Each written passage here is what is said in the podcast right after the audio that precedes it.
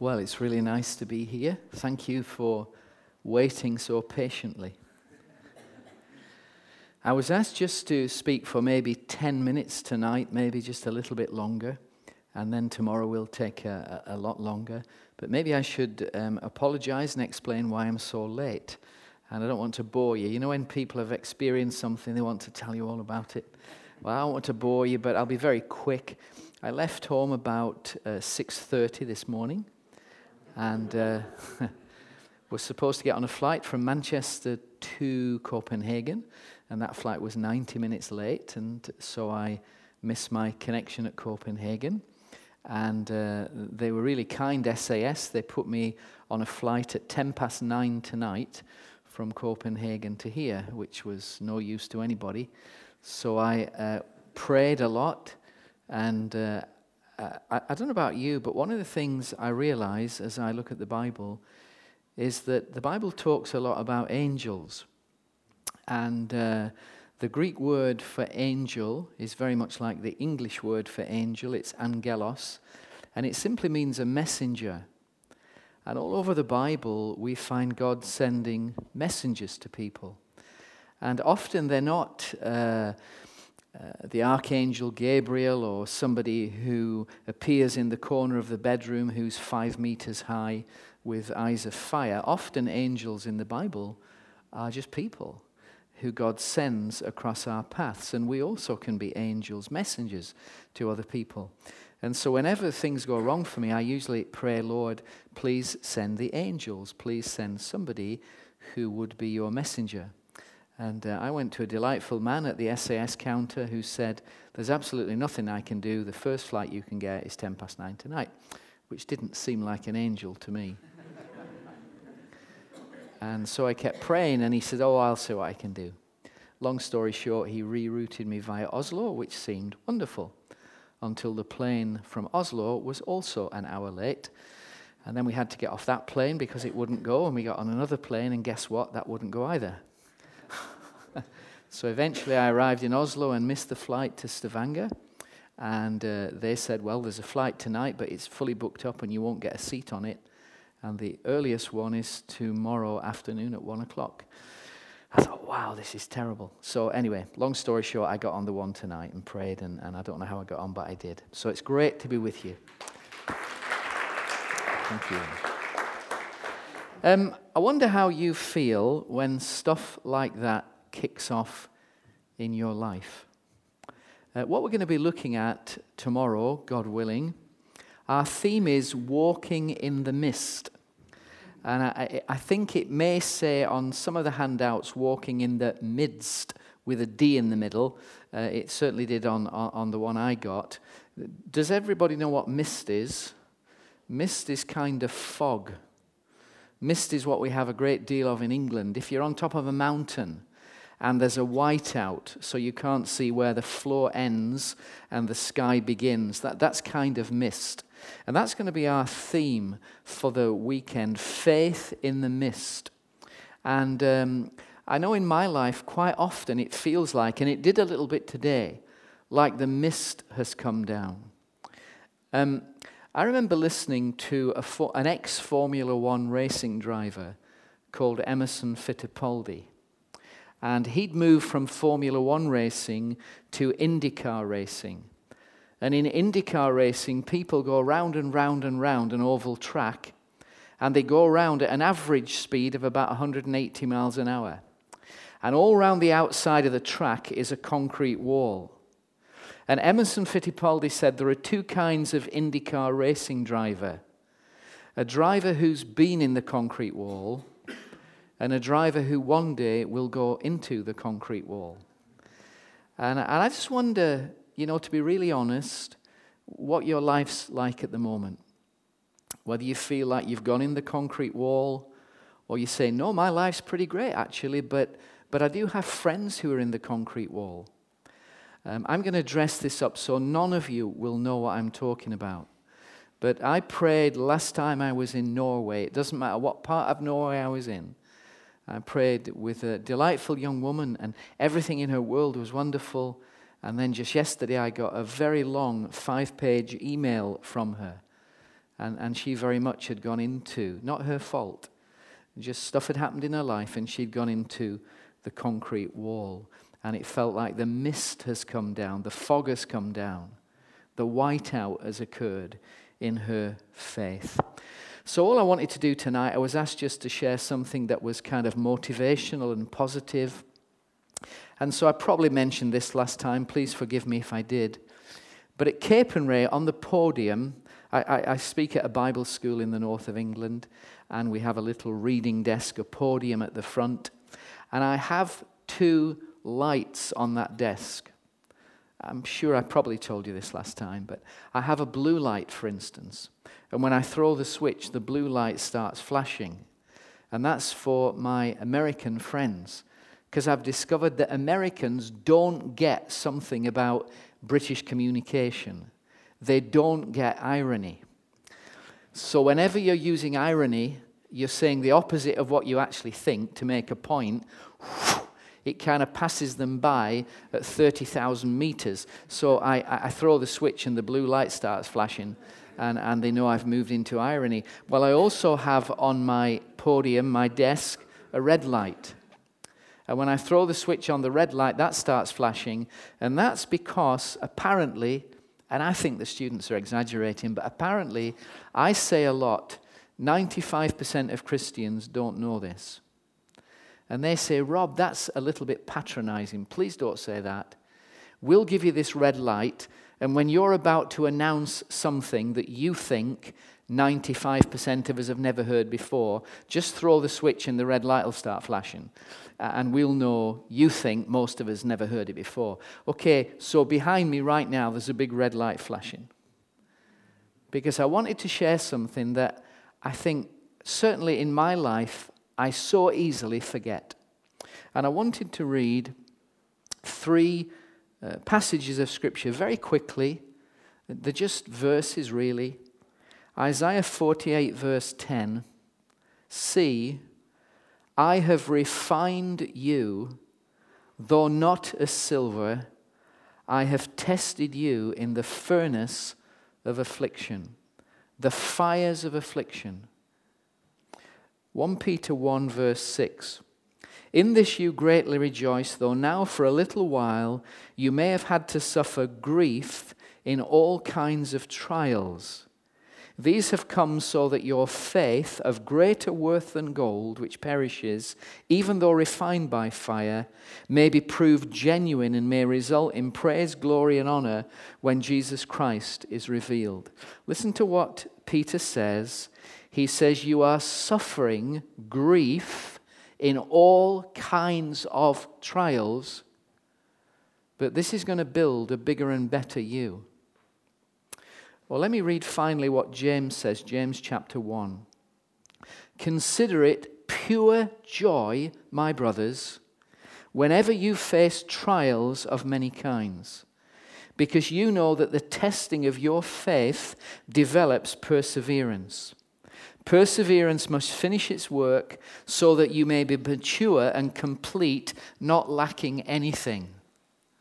I want to suggest, with respect, that most of us either don't know that or don't believe that. So, guess what happened when the plane wouldn't take off this morning? I am praising God. This is wonderful. This is fantastic. This is the best possible thing that could happen. Lord, thank you for this. There's a big blue light flashing. And then when the thing breaks down in Copenhagen, Lord, this is superb. This is how you develop faith. This is how you're going to turn me into the best version of me. I don't think so. When stuff goes wrong in my life, it's so easy for the mist to come down and me stop seeing clearly God. I want to suggest that most of us either don't know or, or don't believe that the way that God builds great lives is to allow or even arrange for problems to come into our life. C.S. Lewis once said this God whispers to us in our pleasures, He speaks to us in our consciences, but He shouts to us in our pain. Pain is His microphone to rouse a deaf world. Somebody else said this My greatest pain is the area of my greatest potential. The area where I'm struggling the most right now is probably an area that I can't control, and it's probably an area that I can't see my way through, and that is the very area where God can grow me the most. Um, we have in England, and I'm sure you've seen this gentleman, a man called Michael Caine, who's an actor. He has a, an accent from London, so he plays the butler in the, in the Batman things, etc. He's been in lots and lots of films. And uh, Michael Caine tells a story about when he was a young actor. And he said that he was filming a scene, and this was in the days when they didn't have digital cameras, they used celluloid, plastic, which was very, very expensive. And so they're filming this scene, and it involves him throwing a door open, walking into a room, and delivering some lines of script and he throws the door open. He's about to step through the doorway, and he notices that one of the set technicians has not got the room the way it should be. There's actually a chair in the wrong place. And so he turns to the cameraman and says, Stop filming. And the set technicians come in and they rearrange everything perfectly, and then they film the scene. He said later that day, the director, who was a very old man, came to him and said something to him that changed not only his acting, but changed his life. He said, He came to me and said, Michael, why did you stop filming? And he said, Because there was a problem that shouldn't have been there. And he said, Michael, in filming as in life, lots of things come into our world that we think shouldn't be there. And then he said a sentence that Michael Caine said he never forgot. He said, Michael, use the difficulties. So there's a chair that shouldn't be there. If we'd been filming something that was funny, you could have tripped over the chair. Actually, we were filming a thriller, a detective story, an exciting story.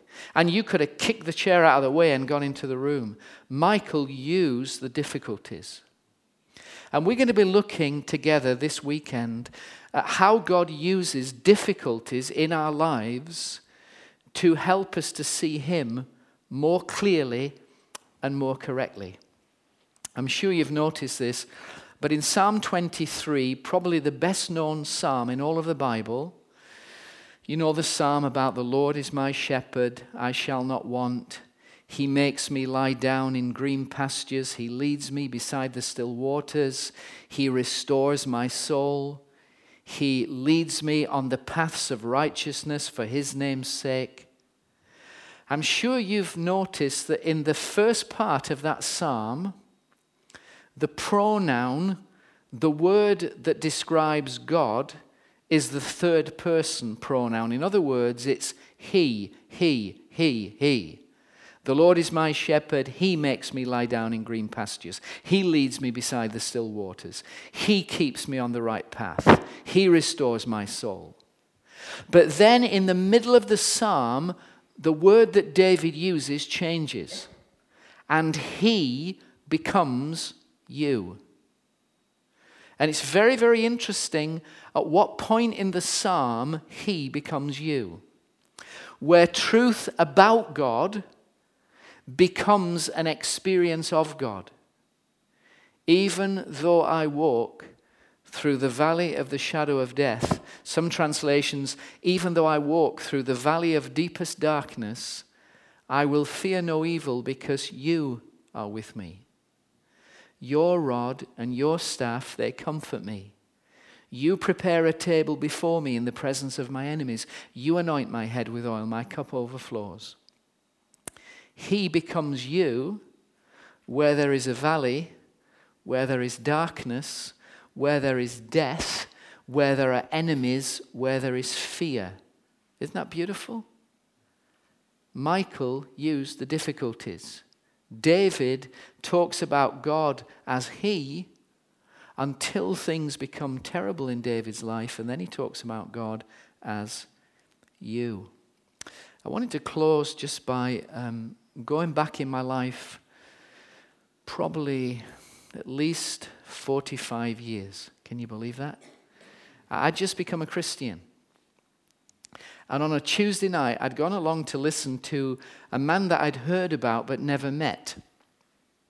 And I was sitting there in uh, front row near the aisle, uh, the end seat. And the, the gentleman was leading worship, just as our brother and friends had been leading worship. And the man who was going to speak that night was sitting on a chair on the platform. And I was looking at him and I noticed that his shoes needed polishing. And I noticed that his shirt really looked frayed and worn.